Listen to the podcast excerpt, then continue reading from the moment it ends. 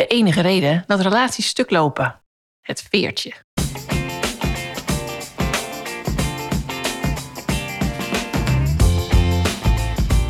Hey, fijn dat je luistert naar de Scheidpodcast. Ik ben Carly Timmerman van Bureau Carbon, host voor gezinsvriendelijk scheiden. En ik ben Anneke de Groot, bedenker van gezinsvriendelijk scheiden en de grote vriendelijke bemoeial voor alle gezinnen. We nemen je mee in de wereld van fabels, feiten, statements en informatie als het gaat over scheidingen of uit elkaar gaan. Welkom.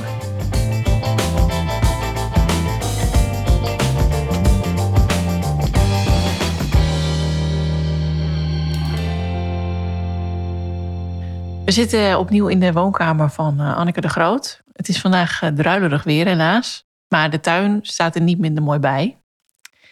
Vandaag gaan we het hebben over het veertje. Volgens Anneke de enige reden dat stellen uit elkaar gaan. Het veertje, ja, ik ben heel benieuwd. Ik heb geen idee. Wat is het veertje? Vertel er eens iets over. Ja, dat is eigenlijk een afkorting. Er zijn heel veel redenen om uit te leggen en wegen aan ouders eigenlijk, of stellen die bij mij in de praktijk komen, wat is er nu gebeurd in zo'n relatie?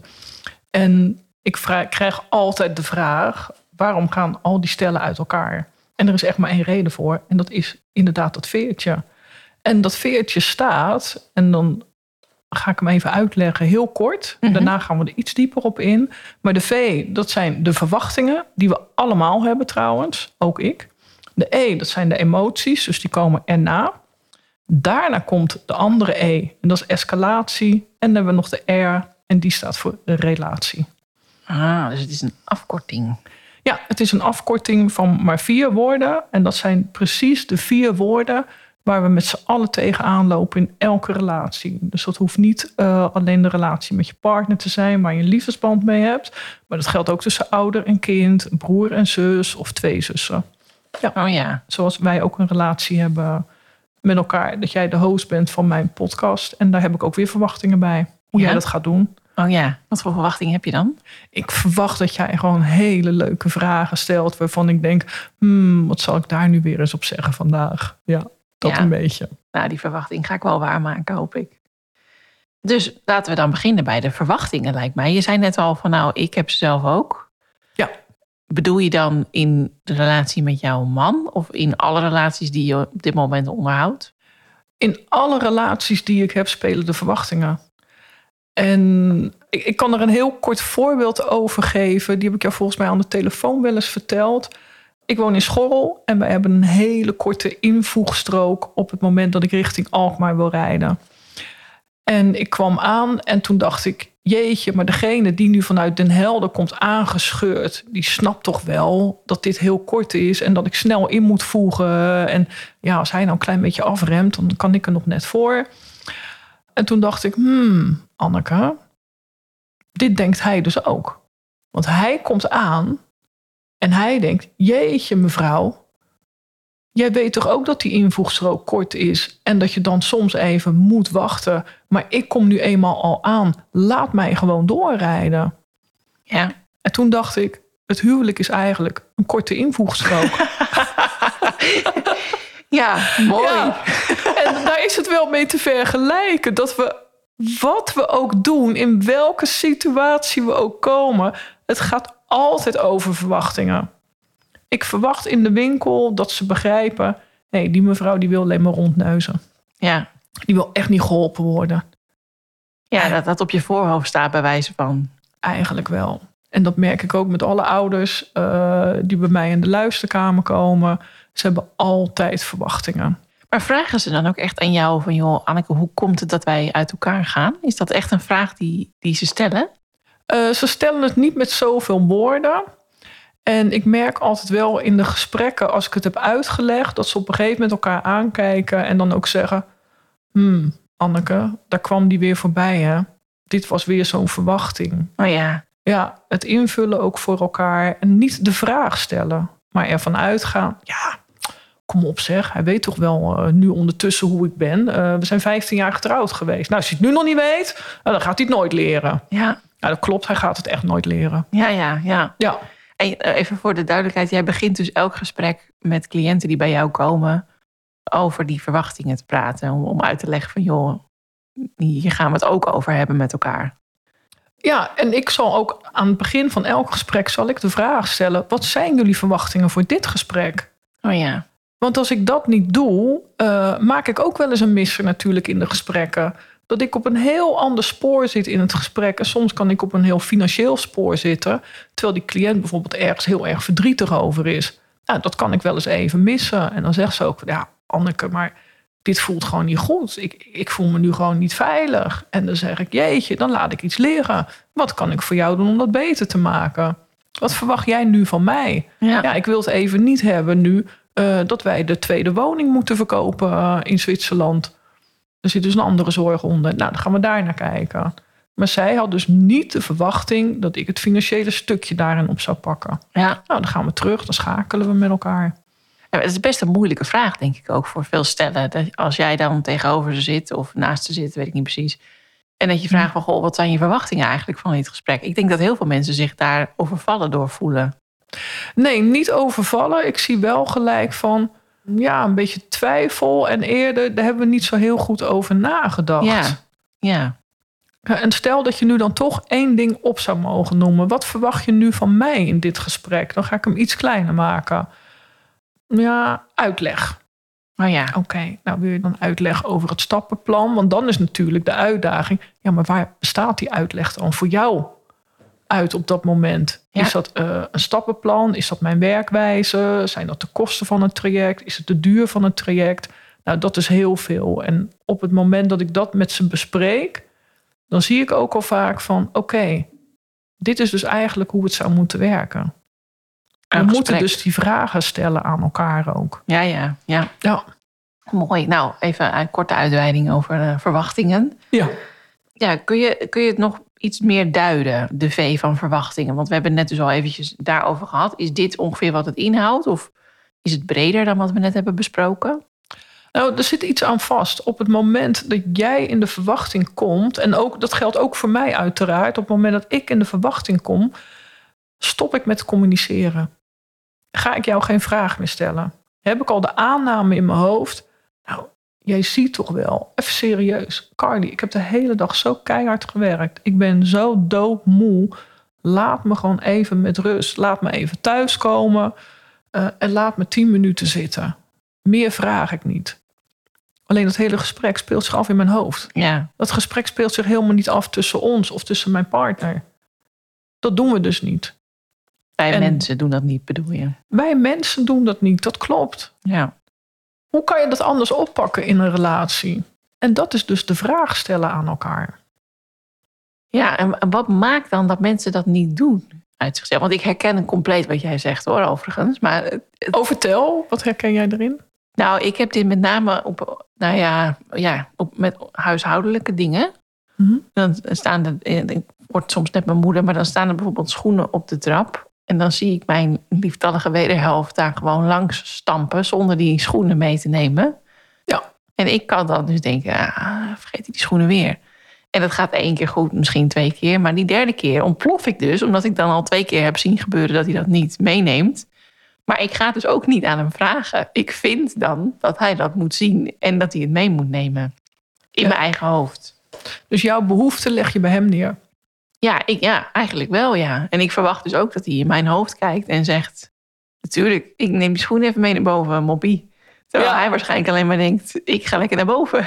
Die- hij ziet daadwerkelijk die schoenen niet, denk nee, ik. is er ook ik. niet mee bezig. Is ook waarschijnlijk niet zijn behoefte eh, dat er geen spullen op de trap liggen. En als de spullen er liggen, dat die dan naar boven moeten. Dat het opgeruimd moet zijn. Ja, exact niet. Ja. Nou, het is jouw behoefte dat het opgeruimd is. En dat je samen, want daar draait het vaak om, hè? Dat je samen, want dan krijg je ook de erkenning, de dingen doet die nodig zijn in huis. Ja, En toch zou je dat aan de ander eerst uit moeten leggen. ja, ja, hij zegt dat ook heel vaak. Als je nou gewoon vraagt, dan neem ik het toch mee. En dan denk ik achteraf, oh ja, ja, dat had ik inderdaad ook kunnen doen, ja. Ja, Maar dan ben ik op dat moment dan toch te stijfkoppig of zo om te denken, nou eh, ja, ik ga dat eens eventjes aan hem vragen. Ik denk dan echt heel vaak, ook nu als ik het weer over heb, denk ik, ja, maar dat zie je toch? dat is dan echt de overheersende gedachte. ja en dit, dit, dit soort gesprekken heb ik altijd in mijn luisterkamer.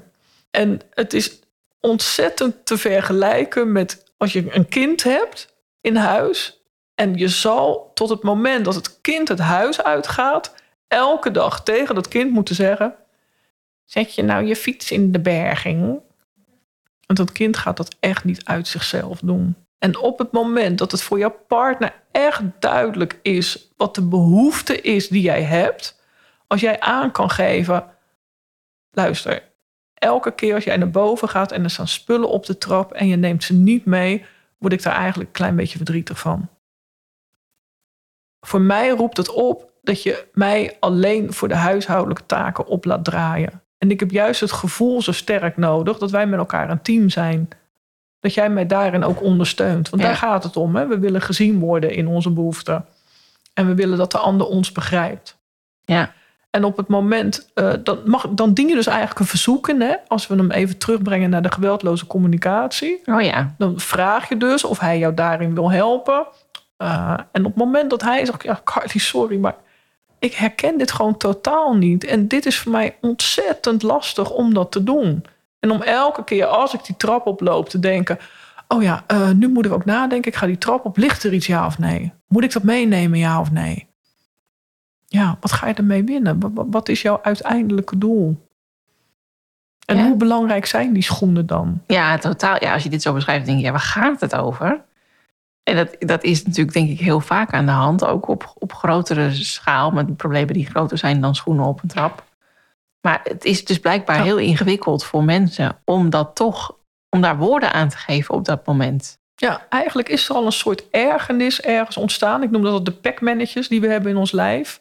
En die blijven maar gaan in dat lijf. En die zijn maar op jacht naar, oh, oké, okay, dit is de derde keer vandaag dat er iets gebeurt uh, wat niet bij mij past, waardoor ik me gewoon niet prettig voel. En patch, daar komt hij. In één keer komt dat pekmannetje naar buiten in de vorm van een tirade vaak. Waarvan ook ik mij wel eens uh, achteraf bedenk, hmm, Anneke, dat had anders gekund. Oh, ja. ja. En ja. dat is ook menselijk, lijkt mij toch, dat dat gewoon gebeurt. Tuurlijk, dat vragen ouders ook altijd aan mij. Van ja, maar Anneke, hoe doe jij dat dan? Ik heb twee liefdochters. Hè? Mijn man heeft twee dochters. Ik heb zelf geen kinderen. En dan zeggen ze, ja, maar bij jou gaat het dus allemaal zo perfect. Nee, natuurlijk gaat het bij mij absoluut niet perfect. En ik moet ook regelmatig bijsturen en nadenken. Hm, dat had ik wel anders kunnen doen. De jongste heeft dat ook wel eens tegen me gezegd hoor. Nou, Anneke, je bent een betere coach voor andere ouders. Ja. En dat is gewoon waar. Dat is echt hoe het werkt. Ik denk wel dat als je beter weet, je beter kan doen. Als je weet van jezelf, oh, maar wacht even. Nu moet ik achteroverleunen. Nu moet ik eerst even voor mezelf nagaan. Wat was nu eigenlijk mijn verwachting? En wat is die behoefte die daaronder zit? Want het gaat altijd over je eigen behoefte, nooit die van een ander. Ja. Jij hebt ergens last van, die ander heeft er geen last van. Wat wil je bereiken met elkaar? En is dat zo belangrijk, in dit geval dan even terug naar jouw voorbeeld van de schoenen, dat die schoenen naar boven gaan? Ja. Als dat werkelijk zo belangrijk is, neem van mij aan, dan pikt jouw partner dat op. En die zal volgende keer de schoenen mee naar boven nemen. Ja, nou, als je luistert. neem die schoenen mee. ja. En merk je ook dan tijdens die gesprekken met jouw cliënten, als je dit aankaart en waardoor ze dus beter weten, mm -hmm. dat ze ook in die gesprekken al anders gaan doen? Dat ze er beter woorden aan kunnen geven, dat ze eerder kunnen benoemen wat die behoeften zijn en wat dus hun verwachtingen ook zijn, ook na de scheiding? Nou, dat klopt. Dat merk ik heel erg juist op het moment dat we afspraken gaan maken. Op het moment dat zij weten van hey, wacht even, dit is dus eigenlijk hoe wij continu op elkaar reageren. Dit is waar mijn triggers zitten. Uh, dit zijn mijn packmannetjes in de relatie geweest. Soms brengen we dat ook in kaart. Uh, dan maken we een tijdlijn en dan zeg ik, jongens, geef drie gebeurtenissen aan waarvan je nu nog steeds last hebt. Hm. Waar nu nog steeds dat packmannetje van zegt, dat doet hij dan. En dan zie je al heel snel dat daar patronen in zitten. En dat dat komt omdat ze niet duidelijk hebben gecommuniceerd. En soms hebben ze heel duidelijk gecommuniceerd in hun beleving. Oh ja.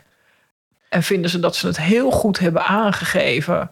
Maar als je nu niet verandert, ga ik bij je weg.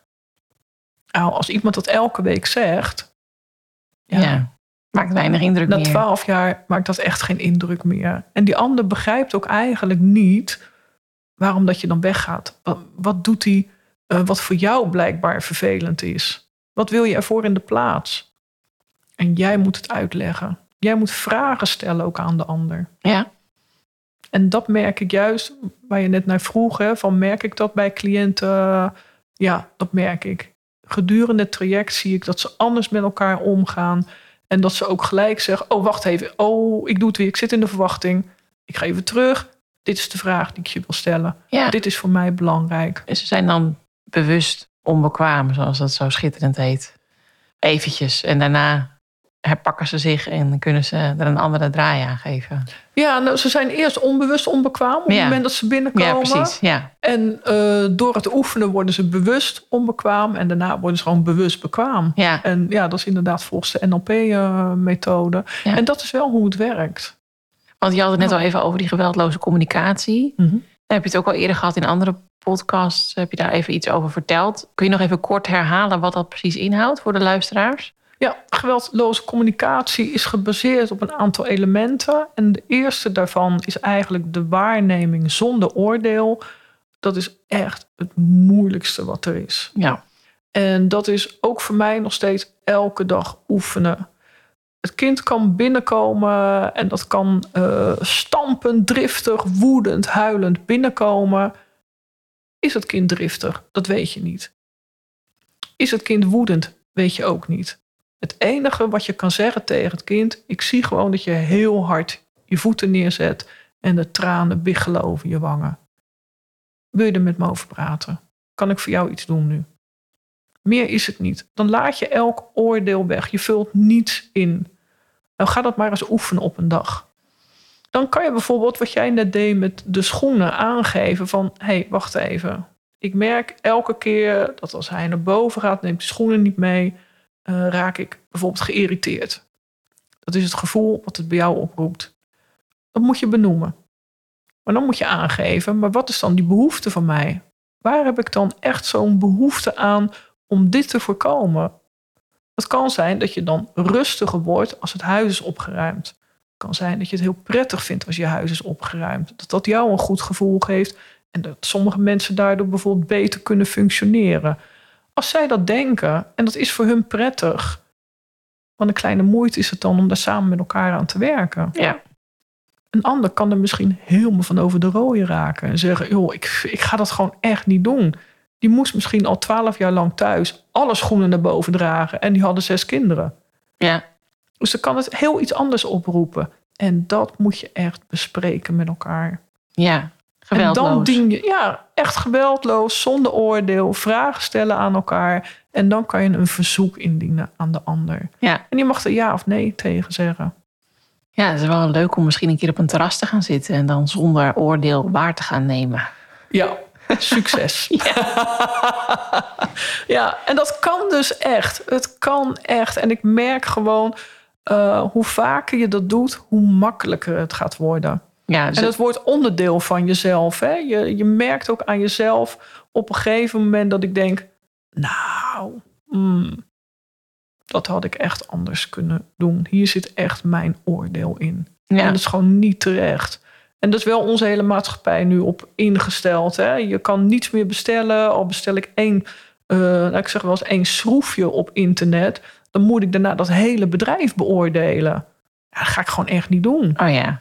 Ja. Beoordeel mij als klant. Zeg even hoe fantastisch het was dat ik en een bestelling bij je plaats en gelijk betaal. En daarna hoor je nooit meer wat van me. Hoe heerlijk is dat? Ja. Kom op. Ja. Ik ga jou helemaal niet beoordelen. Dat is ook helemaal niet mijn taak. En dat is wel wat we continu vragen aan elkaar. Of je nu op Twitter zit, Facebook, LinkedIn, het maakt niet meer uit. De hele dag is het duimpjes geven. Ja, ja dat is zeker waar. Hey, en als we nog even teruggaan naar het veertje, Mhm. de verwachtingen, nou, dat is denk ik nu wel helder. Dat, die hebben we allemaal en die zijn er eigenlijk altijd. En je moet ze vooral benoemen. Ja. Eh, maar daarna kwamen de, de E van emoties. Ja, klopt. Dan komen de emoties. Want jij communiceert niet. Doordat je verwachting hebt, stop je de communicatie. Eh, die man die komt thuis. Die ruimt niet gelijk zijn schoenen op. Die hangt niet zijn jas aan de kapstok. En jij staat te koken. Eh, en de kinderen hebben de hele dag aan je rokken gehangen, bewijzen van. En hij ziet niet dat hij even wat voor jou moet doen. Nou, dan komen de emoties. Oh ja. Want je wordt pist. Je wordt echt boos. Je raakt geïrriteerd. Eigenlijk wil je naar hem schreeuwen. En als jij nu ook eens een keertje misschien de tafel zou willen dekken. Ik ben de hele dag al bezig geweest. Wat er met hem gebeurt op het moment dat hij thuis komt, heb je geen idee van. En ook daarover hebben jullie geen afspraken gemaakt met elkaar. Hij komt thuis, telefoon nog aan zijn oor. Geen aandacht voor jou. Niet voor de kinderen. Zullen jullie wel met elkaar moeten bespreken. Wat verwacht je op het moment dat hij het huis binnenstapt? Of zij. Ik wil toch even een Of soort... zij? eh, Nee, absoluut. Ja. Eh, ben ik helemaal met je eens. Goed dat je dat zo aangeeft, Carly. Wat een gezeik. maar eh,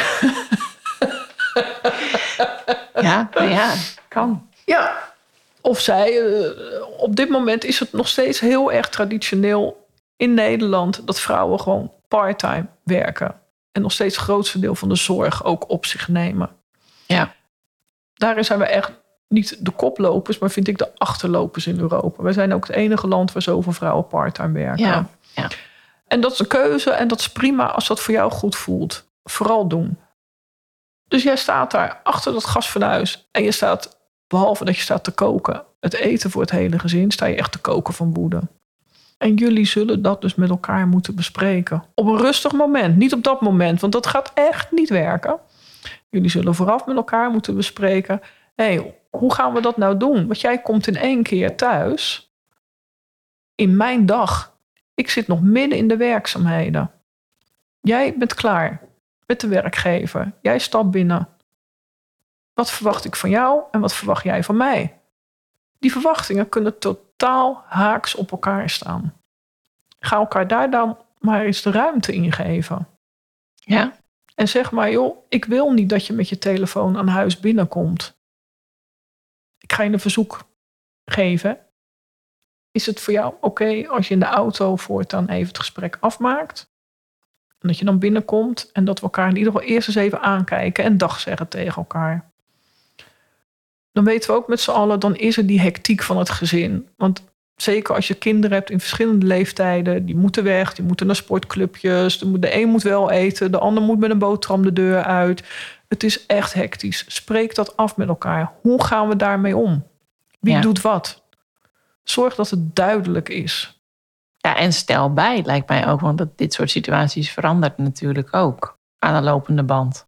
Je zelf verandert. eh, je kan gaan werken. Het kan zijn dat je partner zegt: Ik word huisman, jij gaat werken. Eh, dan verschuiven sowieso de hele rollen. Dus daar zou je het ook met elkaar over moeten hebben. Wat, wat verwacht je daar dan van met elkaar? Ja, En vooral, dus, en dat is het, hè, wat verwacht je van elkaar? Dat moet je bespreekbaar maken. ja.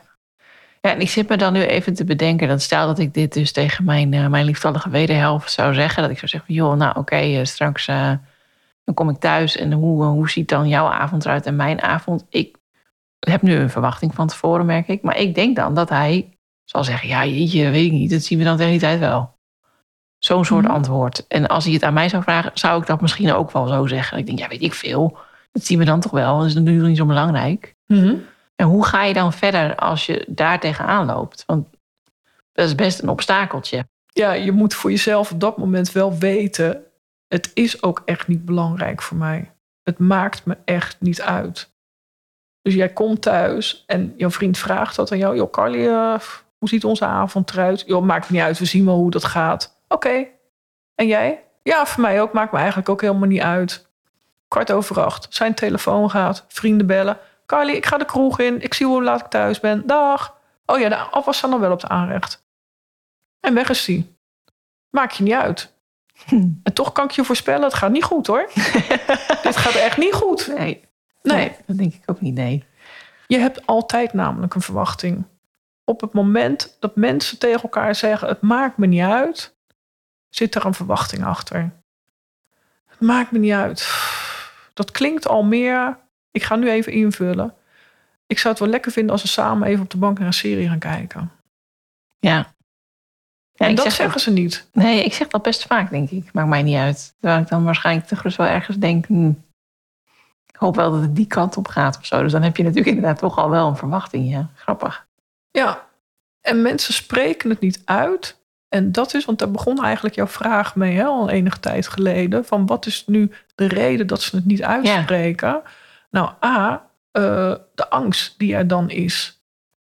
Om afgewezen te worden. Of om- Angst om afgewezen te worden. Angst dat de ergste nachtmerrie, dat we uit elkaar gaan, dat die uit gaat komen.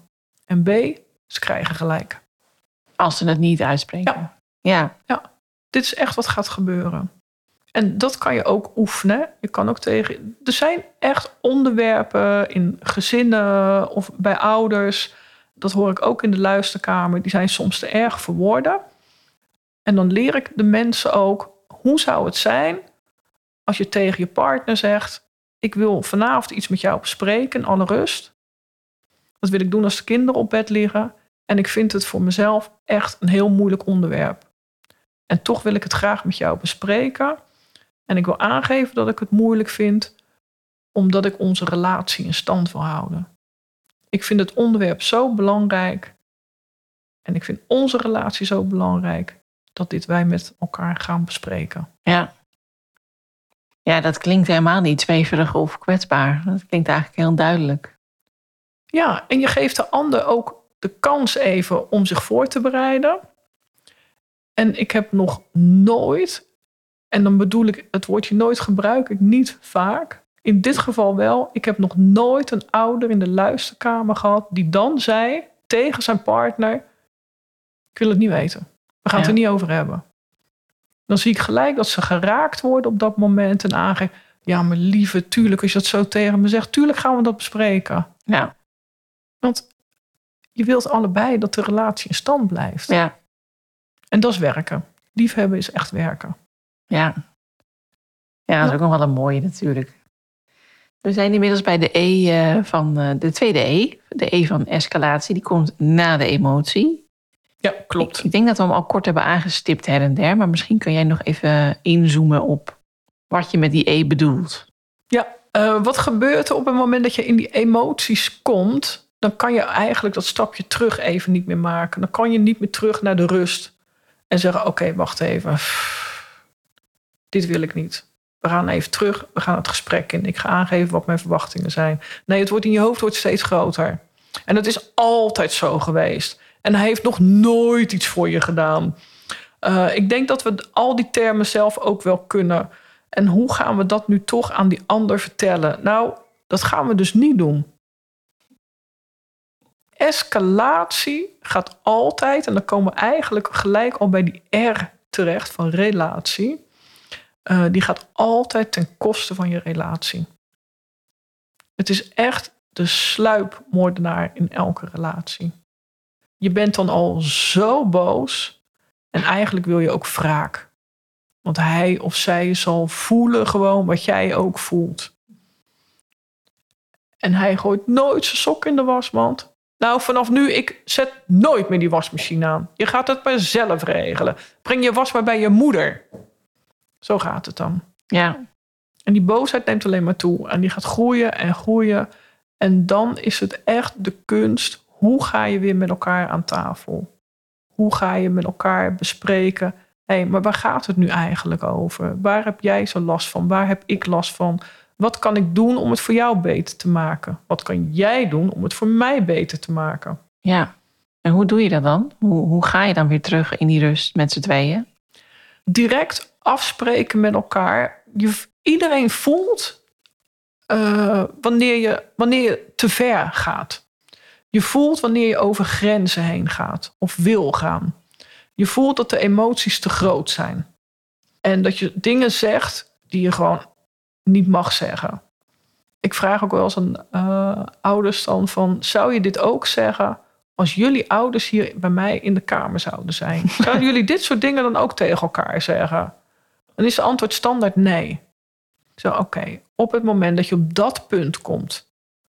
oké, zoals ik nu tegen jou tekeer ga... en mijn ouders zouden hierbij zijn... of mijn beste vriend of vriendin... zou ik het dan ook doen? Nee, dan zou ik me toch wel ietsje liever gedragen. Met iets wat meer sarcasme dan vaak. Want dat Mhm. gebeurt dan wel. Mhm. Eh, aangeven bij elkaar. Wacht even. Nu gaan we stoppen. Ik ben zo boos. Op dit moment kan ik echt niet met jou in gesprek. Vind ik heel vervelend. Want ik vind wel dat je dat verdient. En ik hou ook echt ontzettend veel van je. Alleen op dit moment hebben mijn emoties de overhand genomen. Ik wil graag over twee dagen met jou om de tafel. Ja, dat is moeilijk, hè? Dat is ontzettend moeilijk en ook dat kan je oefenen. Ja. Het is net als met fietsen. Je kan het echt leren. Ja, maar dit, dit klinkt ook gewoon allemaal alsof je gewoon eigenlijk continu hier inderdaad werk in moet steken. In, in die geweldloze communicatie, in het uitspreken van je verwachtingen, in het benoemen van je emoties. En dus ook in het stoppen van die escalatie om je relatie goed te houden. En dat is het echt. Wij hebben enorme strukkels ook wel eens gehad eh, als samengesteld gezin. En ja, zijn wij echt een samengesteld gezin? Dat durf ik niet eens te zeggen. Eh, want ik heb geen kinderen. Oh ja, Dus bij ons zijn er geen kinderen vermengd met elkaar. Eh, dus ik ben bij hen eigenlijk binnengekomen. En op een gegeven moment hebben we ook met elkaar afgesproken. Oké, we roepen gewoon een woord. We hebben gewoon een stopwoord ingesteld. En op het moment dat iemand dat woord roept, moet echt iedereen zijn mond houden. En wisten we ook, we gaan er of s'avonds rustig over praten of een dag later. Maar degene die het woord gebruikt, die moet aangeven wanneer gaan we dan praten met elkaar. ja, want dat is, dan kom je in de volgende verwachting Ja. toestand eigenlijk Ja. terecht. Van ja, oké, we zijn nu gestopt, maar ja, ik denk toch wel dat hij dan eventjes gaat zeggen wat hem, wat hem op zijn hart zit. Hij gaat dat toch wel uitleggen uit zichzelf. Hoeft er niet naar te vragen. Dat is dan het volgende patroontje waar je in gaat Ja. hangen. Klopt. Ja, heel herkenbaar. En dat is exact hoe het gaat. Ik kan stellen hier ook feilloos nadoen. Dan ga ik wel eens een theaterstuk opvoeren. Dan zeg ik, nou, ik zal even vertellen hoe dat bij jullie thuis gaat. En dan doe ik dat na en dan zeggen ze... dat is precies hoe het gaat. Ik zeg, ja, en dat is precies hoe het gaat in elk gezin in Nederland. Jullie zijn daarin niet uniek. Het vervelende vind ik, het wordt ons niet geleerd. Nee, Er wordt je niet geleerd hoe houd ik een relatie in stand? Hoe ga ik daarmee om? Hoe leer ik om verwachtingen uit te spreken? ja, Hoe leer ik als ik ontzettend boos ben? Eh, want ja, ze zit nou eenmaal vier keer per week bij de moeder op de koffie. En voor mij, ze kan nog geen pan spinazie klaarmaken, bij Ja. wijze van. Dus die boosheid is er overal. Ergernis is er overal. Teleurstellingen zijn er in elk gezin. En hoe ga je dat nu stoppen op het moment dat het zo is geëscaleerd, dat je zo boos bent? ja, En ook daar zal je afspraken met elkaar over moeten maken. ja. Ja, want dat hoor ik steeds terug. Ja, dat je dus en oefent om, om woorden te geven aan wat je ervaart. Ja. En afspraken maakt samen Ja. om een eventuele volgende situatie te voorkomen. Ja, zeker. Maar die afspraken, dat zijn dat dan eh, dingen die je op papier zet? Of zijn het meer mondelinge afspraken? Of maak je een krijtbord? Of doet iedereen dat weer anders? Of hoe? Nou, ja, een hele goede en terechte vraag. En dat doet echt iedereen anders. Iedereen gaat kijken, wat past bij mij? Wat voelt voor mij goed? En eh, soms eh, roepen ouders ook van... ja, pff, nou, ik kan dat allemaal niet onthouden hoor. En eh, nou, dan kan je een klein schriftje maken... waarin je wat zinnen zet voor elkaar. En stuur elkaar ook gewoon eens een keer een brief. Ja, En ja, dat, dat zijn vaak ook de leukere dingen. En daarbij geef ik wel gelijk aan... die brief mag alleen maar positief zijn. ja precies. Dus geen brief met alles wat hij of zij fout heeft gedaan de laatste tien jaar. Dat, dat, dat voegt werkelijk niets toe. Begin daar niet eens aan. Zonde van je tijd, zonde van je energie. En daarmee gooi je de liefde echt gewoon door het afvoerputje. Bedank de ander maar eens een keertje. Stuur maar eens een brief naar je partner waarin je diegene bedankt voor alles wat hij heeft gedaan. Ja, En wat je misschien nog nooit hebt gezegd. Spreek je stukje waardering uit. Geen compliment, dat is echt het meest zinloze wat je kan doen in je hele leven. Gaat ook werkelijk niets toevoegen. Compliment is niks meer dan een zoektocht naar de waardering. nou, ik hoor een volgende podcast, maar dan gaan we het nu eventjes loslaten nog. Ja, die gaan we zeker loslaten, Carly. Ja, ja, ja, ja, ja, ja. ja.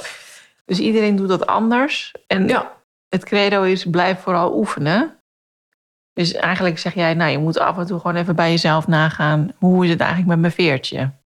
Ja, ja, ik vraag dat ook echt gewoon aan ouders. Uh, hoe is het met je veertje? En dan kijken ze uh, elkaar aan, dus ze kijken mij aan. En dan leg ik heel kort uit wat het is. Ik schrijf dat vaak even op een flip-overvel. Uh, die plak ik bij mij aan de muur. En soms vinden ze het lastig om het bijvoorbeeld te hebben over behoeftes. Ja. Maar als ik vraag aan iemand van... wat verlies jij in deze situatie? Dan wordt het heel anders. Kun je een voorbeeld geven? bij ouders op het moment dat we bijvoorbeeld gaan hebben over het gezinsplan. Dus daarin moeten ze alle regels en afspraken met elkaar gaan maken. Die gaan gelden voor de komende periode. Na de scheiding bedoel je dan dus? Na de scheiding, ja, ja dankjewel. En dan gaat het heel vaak over de zorgregeling.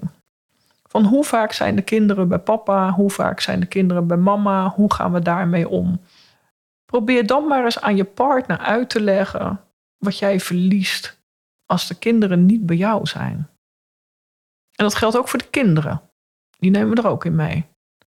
Maar dan wordt dat heel anders en veel persoonlijker om uit te leggen dan dat je zegt: ja, maar ik heb gewoon behoefte aan de kinderen. Ik heb behoefte om vader te zijn.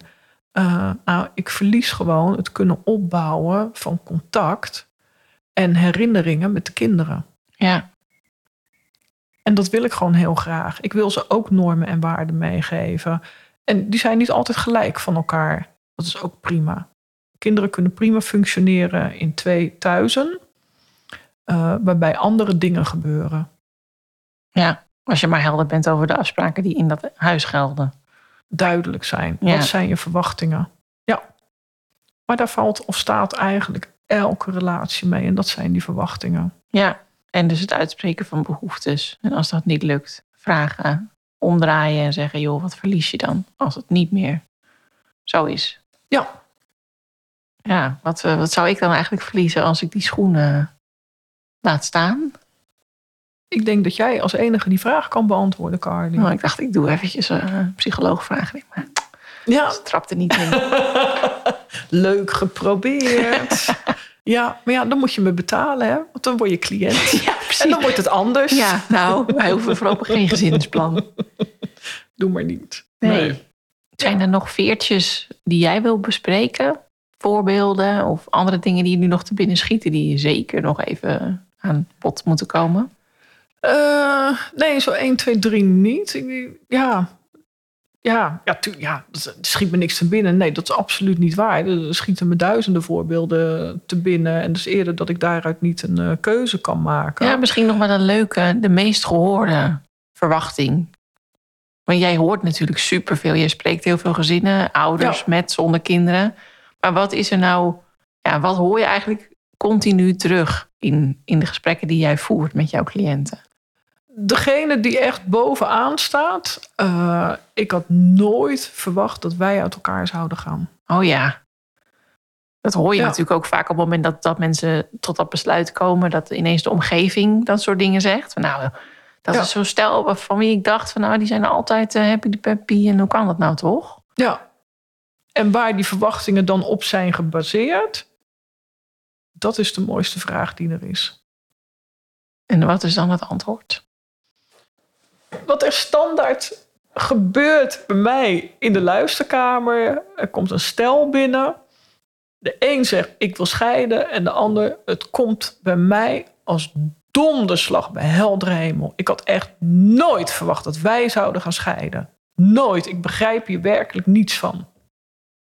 En dan vraag ik ook, dus in jouw ogen was het huwelijk gewoon fantastisch. Je nam elke week bloemen mee. Drie keer per week seks. Lekker uit eten. Daten met elkaar. Niks op de bank zitten in je joggingbroek. Heel gezellig. Nee, nee, nee, nee, nee, nee, nee. Pff, nee. Nee, eigenlijk. Eh, nee, seks. Nou, pff. Nee, de laatste zeven jaar al niet meer. En dat is denk ik wel een onderwerp voor een volgende podcast. Seks. Ja, er is geen seks in de relatie in Nederland. Oh? Ja, echt waar. Oh, bold statement. Nou, dat is echt een bold statement. En dat is wel wat het is. Oh, dit lijkt me een heel leuk onderwerp. Maar nog even terug. Dus dit is dan de, zeg maar de meest gehoorde uitspraak van jou. En dan vraag je dus van, eh, oké, dus jij dacht dat het dan wel, dat het wel een goed huwelijk was. Jij vond het wel geweldig. Ja. Het antwoord daarop is dan eigenlijk schoorvoetend, nou nee. En dan, wat gebeurt er daarna? Nou, dan vinden ze toch dat die andere partner gewoon niet duidelijk is geweest. Degene die wil scheiden, die is niet duidelijk geweest. En die is verantwoordelijk ook voor de scheiding, vindt hij. De die is ander. verantwoordelijk voor zijn of haar ellende op dat Ja, moment. ja. ja. Ja. Ja. En dat is ook heel logisch hè, dat dat zo is. En dat het voor mensen echt zo voelt. Want ze hebben nooit de verwachtingen met elkaar uitgesproken. Ja, Ze hebben geen idee eh, dat ze zijn veranderd. Hm. Dat het gezin is veranderd. De omgeving is veranderd. Hun levens zijn veranderd. ja. En ze bespreken het niet met elkaar. En als je dan een advies moet geven aan, aan mensen die nu nog gelukkig zijn of denken te zijn, hoe, hoe blijven ze dat dan in hun relaties? in gesprek blijven met elkaar. En dit ook bespreken. En besteed tijd aan je partner. En dat kan je vaak al doen door één keer in de zes maanden met elkaar te gaan eten. Of iets anders wat je leuk vindt. Of zet een fles wijn op tafel. Eh, maak lekkere hapjes erbij. En stel elkaar gewoon positieve vragen. Wat vond jij nou zo leuk de afgelopen zes maanden? Ja, De vraag stel je ook aan de ander. Wat kan ik doen om het voor jou nog beter te maken de komende zes maanden? En die vraag geldt ook weer voor de ander. Hebben wij nog dezelfde dromen? Hebben wij nog dezelfde doelen voor ogen? En op het moment dat je dat niet doet, en ik weet mijn eh, eerste huwelijk, had ik heel duidelijk aangegeven van tevoren: ik wil geen kinderen en ik stop nooit met werken. Ik vind werken gewoon ontzettend leuk. Doe ik echt heel graag. En ik wil echt geen kinderen. Hm. En mijn man had de overtuiging. Nou, dat komt wel goed. die draait nog wel bij. Ja, dus wij waren getrouwd. En waren ook nog erg jong, moet ik eerlijkheidshalve erbij vermelden. En binnen een jaar zijn wij gescheiden. Op mijn verzoek. En ik zei ook tegen hem, A, werd ik verliefd op iemand anders. Dat dacht ik, dat was niet zo. Maar ik, ik zocht ook een aanleiding achteraf om weg te kunnen. En meer om hem los te laten. Want ik wist zeker, hij zou echt zo'n leuke vader worden. En ik vond, dat moest hij ook worden. Hm. En ik zou hem dat nooit, en dan ook werkelijk nooit, hebben kunnen geven. En toen heb ik ook gezegd van, wij gaan scheiden. Ja, En jij moet verder, zonder mij. En tuurlijk waren we daar op onze eigen manier kapot van. Jaren later hebben we het daar nog met elkaar over gehad. Dat was ook weer heel bijzonder.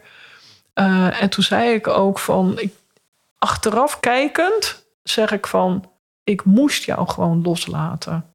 Omdat ik echt vond dat je het recht had om gelukkig te worden op lange termijn. En met mij was je dat nooit geworden. Want ik was daarin nooit veranderd. ja. Ja. Ja, wel knap dat je dat dus blijkbaar al kon op zo'n jonge leeftijd. Ik denk dat het vaak andersom is. Dat je dan dus juist niet je verwachtingen uitspreekt. Omdat je hoopt, nou ja, wat hij misschien had. Dat je er hoopt van, nou ja, dan, dan draait ze nog wel bij. Of dan draait hij nog wel bij. En dan komen we uiteindelijk toch bij dezelfde dromen en doelen uit. En dan is het eind goed al goed. Ja, en ik wist 100% zeker dat dat nooit zou gaan gebeuren. Ja, En ik merkte aan hem dat hij daar echt twijfels over had. Nou, dat komt wel. Ja, ja. Dat komt wel. En toen dacht ik, nee, dat, dat, dat, dat is gewoon niet eerlijk. Dat mag ik hem niet aandoen. nee. Ja, Nou, mooi. Mooie anekdote. Ik denk dat we gaan afronden, Anneke. Ik denk dat eh, iedereen zichzelf thuis eventjes moet gaan afvragen hoe het met zijn veertje is. ja. Er gaat gesprek aan. Ja, en dus af en toe ook tijd vrijmaken om elkaar die vragen weer te stellen. Ja, en vooral afspraken maken. Hoe gaan we met elkaar om in huis? Wat verwacht jij van mij? Wat mag ik van jou verwachten? Ja, En matchen we ja of nee erin? nou, ik ga dit ook eens eventjes proberen. Oh, daar ben ik wel heel benieuwd naar. Hoe Dus bij die kunnen we nog wel eens een keertje over, eh, wat aan je over vragen natuurlijk. Ja, nou, Anneke, dankjewel. jij ook Carly, dankjewel weer voor het hosten. Superleuk. En eh, tot de volgende podcast. Tot de volgende. Veel dank voor het luisteren. Zit jouw hoofd nog vol met vragen? Wij horen ze graag. Geen vraag is te gek als het om jouw toekomst gaat en om de toekomst van je gezin. Stel ze gerust via info.gezinsvriendelijkscheiden.nl Waar? info.gezinsvriendelijkscheiden.nl Dankjewel. En misschien komt jouw vraag dan in de uitzending. Anoniem uiteraard.